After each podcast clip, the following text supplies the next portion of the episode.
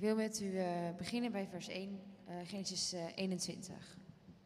De Heere nu zag om naar Sarah zoals hij gezegd had. De Heere deed bij Sarah zoals hij gesproken had. Sarah werd zwanger en baarde Abram een zoon in zijn ouderdom. Op de vastgestelde tijd die God hem genoemd had. Abram gaf zijn zoon, die hem geboren was, die Sarah hem gebaard had, de naam Isaac. En Abram besneed zijn zoon Isaac toen hij acht dagen oud was, zoals God hem geboden had. Abraham was nu honderd jaar oud, toen zijn zoon Isaac hem geboren werd. Sarah zei, God heeft mij doen lachen. Ieder die het hoort, zal met mij meelachen. Verder zei zij, wie zou Abraham hebben durven zeggen, Sarah heeft zonen de borst gegeven? Voorzeker, ik heb een zoon gebaard in zijn ouderdom. Het kind werd groot en werd van de borst genomen. Op de dag dat Isaac van de borst af was, richtte Abraham een grote maaltijd aan. En Sarah zag dat de zoon die Hagar, de Egyptische, Abraham gebaard had, aan het spotlachen was. Toen ze zei tegen Abraham: Jaag deze slavin en haar zoon weg, want de zoon van deze slavin zal niet met mijn zoon, met Isaac, erven. Deze woorden waren volstrekt kwalijk in de ogen van Abraham vanwege zijn zoon. Maar God zei tegen Abraham: Laat deze zaak met betrekking tot de jongen en uw slavin niet kwalijk zijn in uw ogen. Bij alles wat Sarah u zegt, luister naar haar, want alleen het nageslacht van Isaac zal uw nageslacht genoemd worden. Maar ik zal ook de zoon van deze slavin tot een volk maken, omdat hij uw nageslacht is. Toen stond Abraham s morgens vroeg op nam brood en een zak met water, gaf die aan Hagar en legde die op haar schouder. Hij gaf haar ook het kind en stuurde haar weg. Ze ging op weg en dwaalde rond in de woestijn van Berseba. Toen het water uit de zak op was, wierp zij het kind onder een van de struiken. Ze ging op een afstand zitten, zo ver als men met een boog kan schieten. Want ze zei: Laat ik het kind niet zien sterven. Terwijl zij op een afstand zat, begon ze luid te huilen. Toen hoorde God de stem van de jongen en de engel van God riep tot Hagar vanuit de hemel en zei tegen haar: Wat is er met u, Hagar? Wees niet bevreesd, want God heeft naar de stem van de jongen die daar ligt geluisterd. Sta op, til de jongen overeind en houd hem met uw hand goed vast, want ik zal hem tot een groot volk maken. God opende toen haar ogen, zodat zij een waterput zag. Ze liep er naartoe, vulde de zak met water en gaf de jongen te drinken. God was met de jongen en hij werd groot. Hij woonde in de woestijn en werd boogschutter. Hij woonde in de woestijn Paran en zijn moeder nam een vrouw voor hem uit het land Egypte. Tot zover. Mooi, dankjewel. Wat jij hebt gelezen, wat we hebben gehoord, is het woord van God. Halleluja. Amen. Nou, je ziet dus in deze geschiedenis al dat er heel wat uh, gebeurt in de familie, ook pijnlijke momenten zijn. Dus als wij uh, vanavond met elkaar zingen hoe mooi en hoe heerlijk dat wij als familie en hoe goed en hoe lieflijk, dan uh, is dat wat God op het oog heeft, maar wat, wat lang niet altijd gebeurt. Dit is de realiteit van families. nou, de preek komt zo. We gaan ook nog het lied horen, familie. maar eerst een, een thema plus moment. Helene en ik die hebben overlegd van hoe gaan we dat nou doen. Uh, want er is, er is vaak iets bijzonders, een sketch, maar ja, een sketch het komt uh, minder goed over, dachten wij in deze setting. Dus ik wil het anders met jullie doen. Ik pak even mijn stoel erbij. Kan ik dan best hier gaan zitten of op het podium? Qua beeld. Podium, ja. Oké. Okay.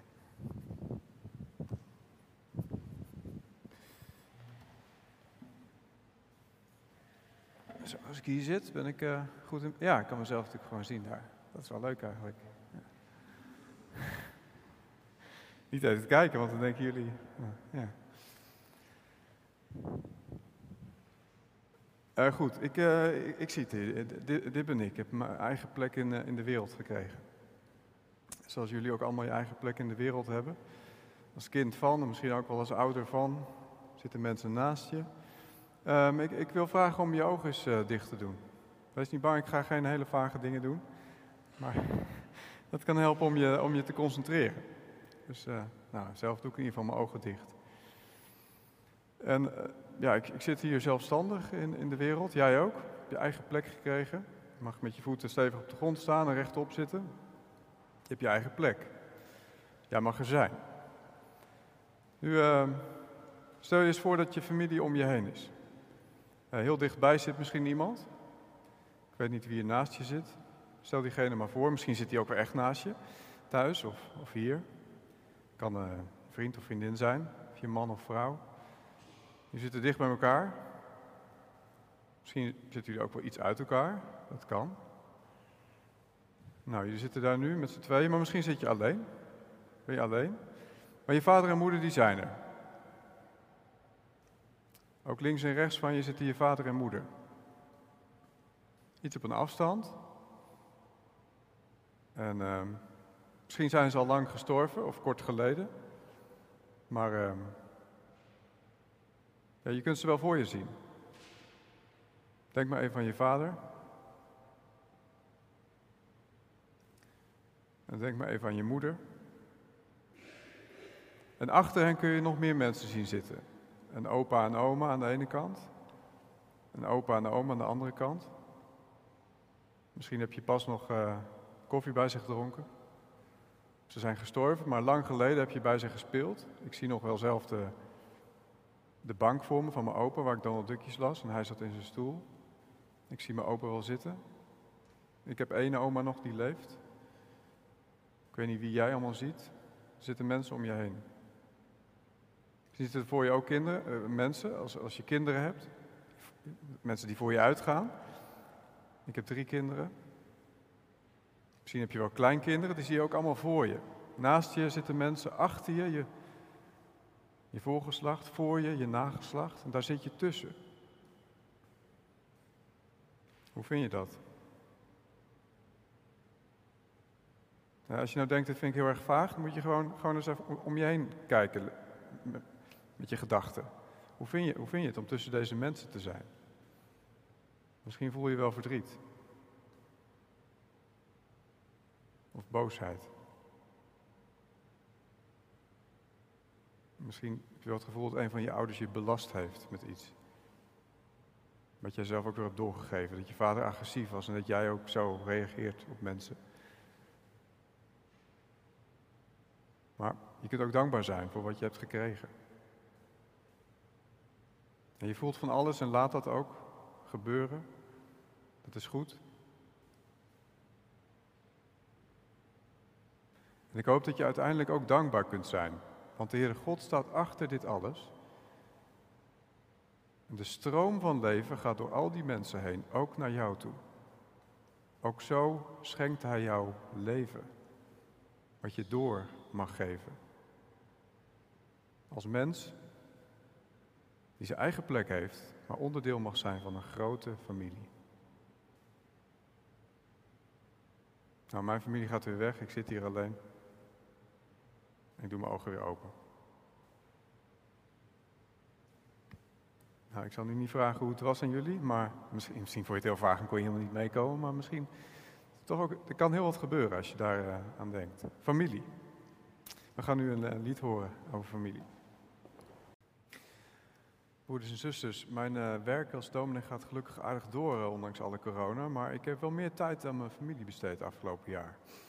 Ik had vaker, uh, minder vaak lange vergaderingen, ik was vaker vroeg thuis en zat om, negen uur op de bank met mijn vrouw zomaar aan een of andere leuke serie te kijken. Um, met mijn kinderen heb ik ook meer gedaan. Met mijn zoontje van drie heb ik een bankje gemaakt. Met mijn dochters heb ik meer tijd kunnen doorbrengen. 2020 is voor mij eigenlijk wel een goed familiejaar. Sommigen van jullie zullen dat herkennen. Corona-virus, alle maatregelen die erbij horen, die moedigen ons aan om meer thuis te blijven. En als je thuis niet alleen bent, maar met familie, dan ben je meer met familie. En dan kun je het mooi hebben en goed hebben. Maar je kunt natuurlijk ook tegen de problemen aanlopen. Uh, familie is prachtig en een bron van vreugde en van leven. En familie is ook een een bron van pijn. Mensen die elkaar pijn doen. Nou, we zien dat uh, in de Bijbel ook gebeuren, het gedeelte wat we vanavond open hebben. Ook uh, in de familie die de Heere God uitkiest om zijn belofte te ontvangen, is er pijn. Maar het eerste wat ik wil zeggen is dat het prachtig is dat God via een familie werkt. Dat God de God is van Abraham, Isaac en Jacob. Van een vader en een moeder en een kind. Uiteindelijk ook opa Abraham, als kleinzoon Jacob wordt geboren. Dat God een God is die zo werkt. God van familie. Dat God dus geen God is die uh, uh, nou zijn uh, openbaringen geeft aan eenzame grote visionairs die in, op een berg zitten of, of in een grot.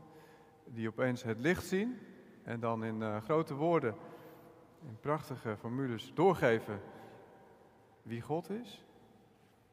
Maar dat God zich openbaart via familie. En God is, uh, nou je zou wel kunnen zeggen, de Heere God is een, is een huiselijke God. De God van hemel en aarde, de God die alles heeft gemaakt, is een God die in huis komt, de God van familie. Tegelijk raakt de Heere God ook zo helemaal betrokken in de problemen van families. Wat we over de familie van Abraham kunnen lezen, dat is realistisch. Het gaat over de realiteit ook van onze families. Je hoort Sarah, het begin van het gedeelte gelovig spreken. God heeft mij doen lachen als haar zoon Isaac eindelijk geboren is. Daarna gaat het over uh, het feest op de dag dat Isaac van de borst af was. Het van de borst affeest. En op, op die dag ziet zij dat die andere zoon van Abraham, Ismaël, dat die zit te lachen.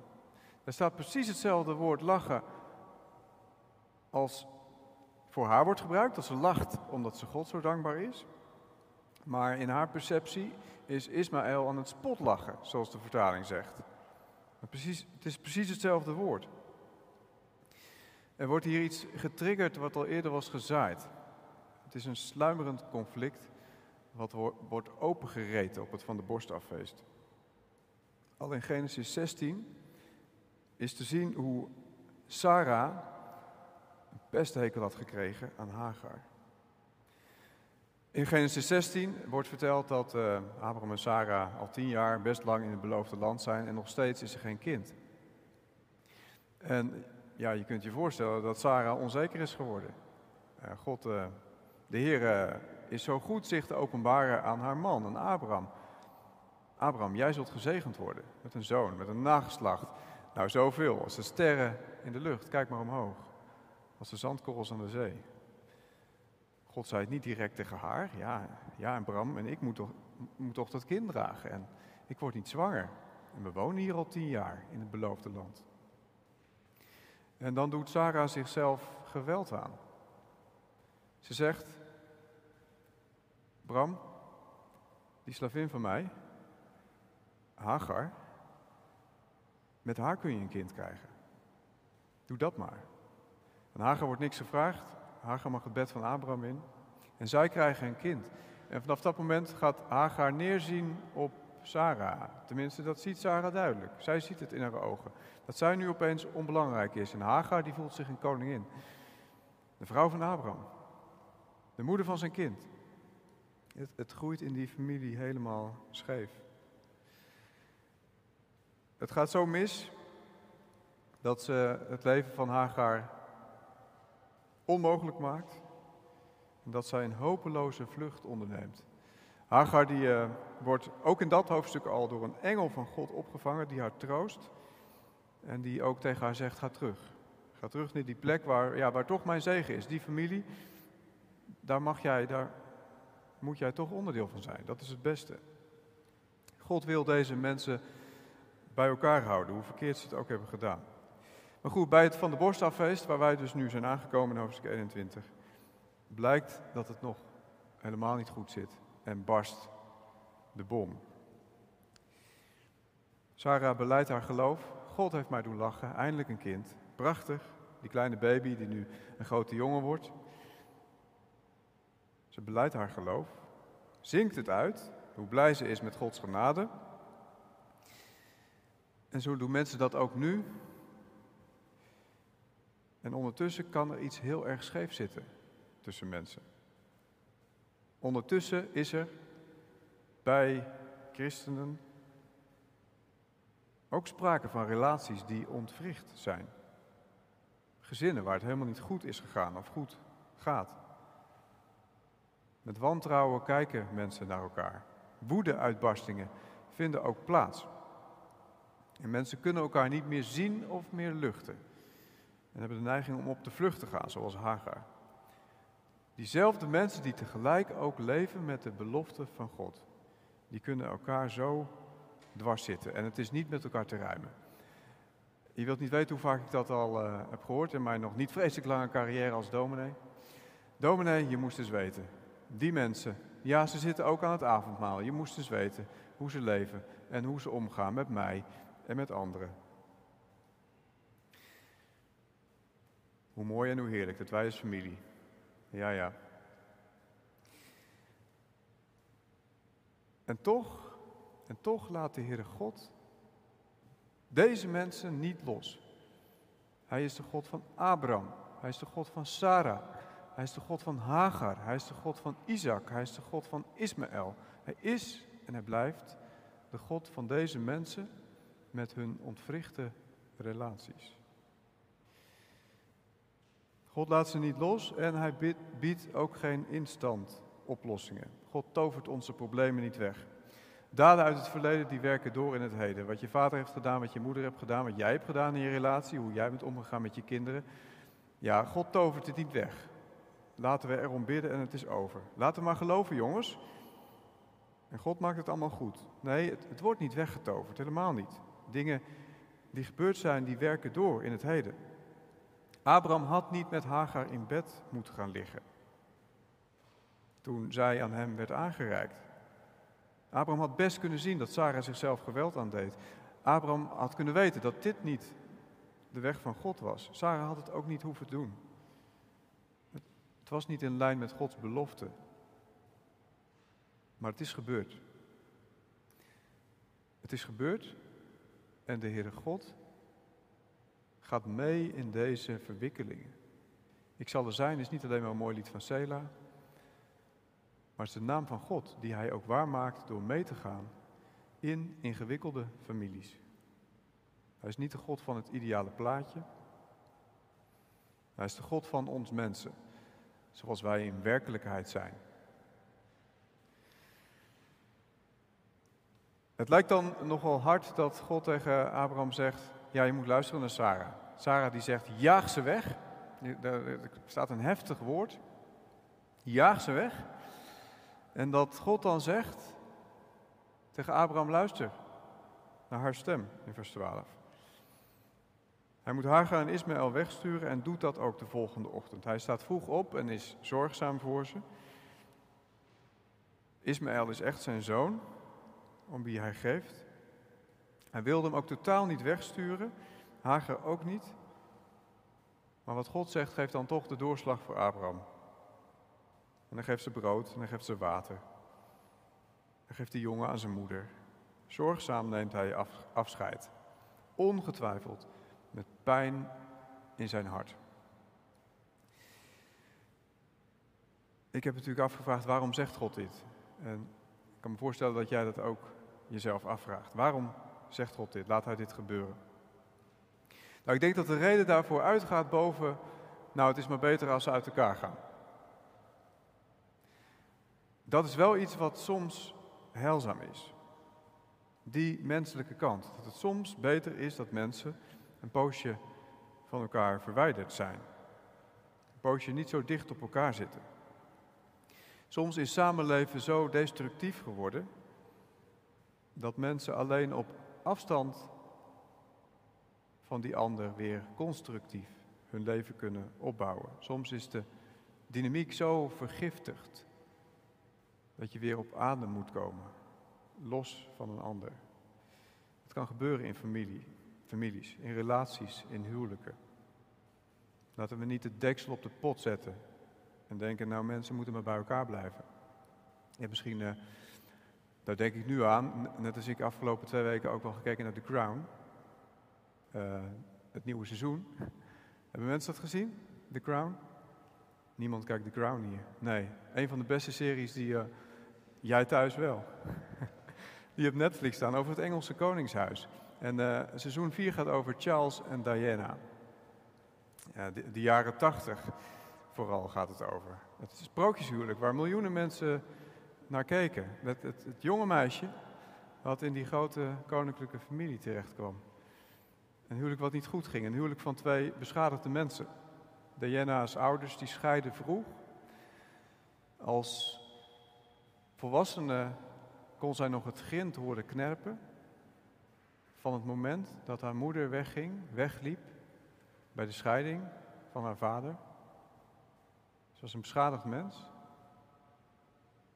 En daarom werd ze waarschijnlijk ook zo aangetrokken tot beschadigde mensen, om die te omhelzen. En Charles was ook wel een beschadigd mens. Toen hij uh, heel jong was, ging zijn moeder even een paar maanden naar Australië voor een tour. En toen ze terugkwam, uh, knuffelde hij met zijn oma, maar zijn moeder stond te kijken. Zo een prachtige, prachtige koningin, Queen Elizabeth. Maar ook een beschadigd mens. Twee, twee mensen die elkaar eigenlijk niet konden helpen. En de serie laat dat wel goed zien. En de Queen zegt: Jullie moeten bij elkaar blijven. Het is jullie plicht. Om dit, kom op, kom op, ga ervoor.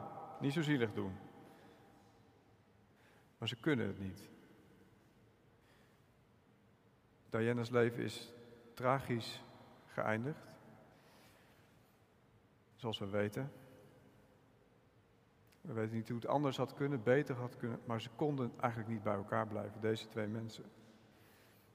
Soms is het beter als mensen op afstand van elkaar komen. Is dat de enige mogelijkheid? Toch is dat niet, geloof ik, wat hier de doorslag geeft. Bij wat de Heere God zegt tegen Abraham. Dat hij ze echt weg moest sturen. De reden die God geeft is dat Isaac het kind van de belofte is aan Abraham en Sarai. Paulus komt daar later in Galaten 4 op terug. Hij zegt, ja, als je naar die geschiedenis kijkt, dan kun je daar bepaalde types in zien. Hij, heeft het dan niet over de hele menselijke kant van het verhaal. Hij zegt, in Ismaël zie je eigenlijk het type van de slaaf. Uh, Hagar is de slavin, Ismaël is de zoon van de slaaf en Isaac is de zoon van de vrije. En jullie christenen zijn geroepen tot vrijheid, niet om in slavernij te leven, niet onder een juk van, nou je moet maar zo goed mogelijk leven en dan komt het wel goed. Nee, jullie hebben genade gekregen, dat is over jullie uitgegoten. En je bent dus kinderen van Abraham, via die lijn van Isaac, van de vrijheid. Nou, dat is natuurlijk de lijn die de Heere God voor zich ziet.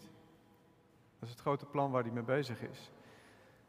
Dat uit Isaac Jacob komt en uit dat volk uiteindelijk de koning komt, de koning van Israël.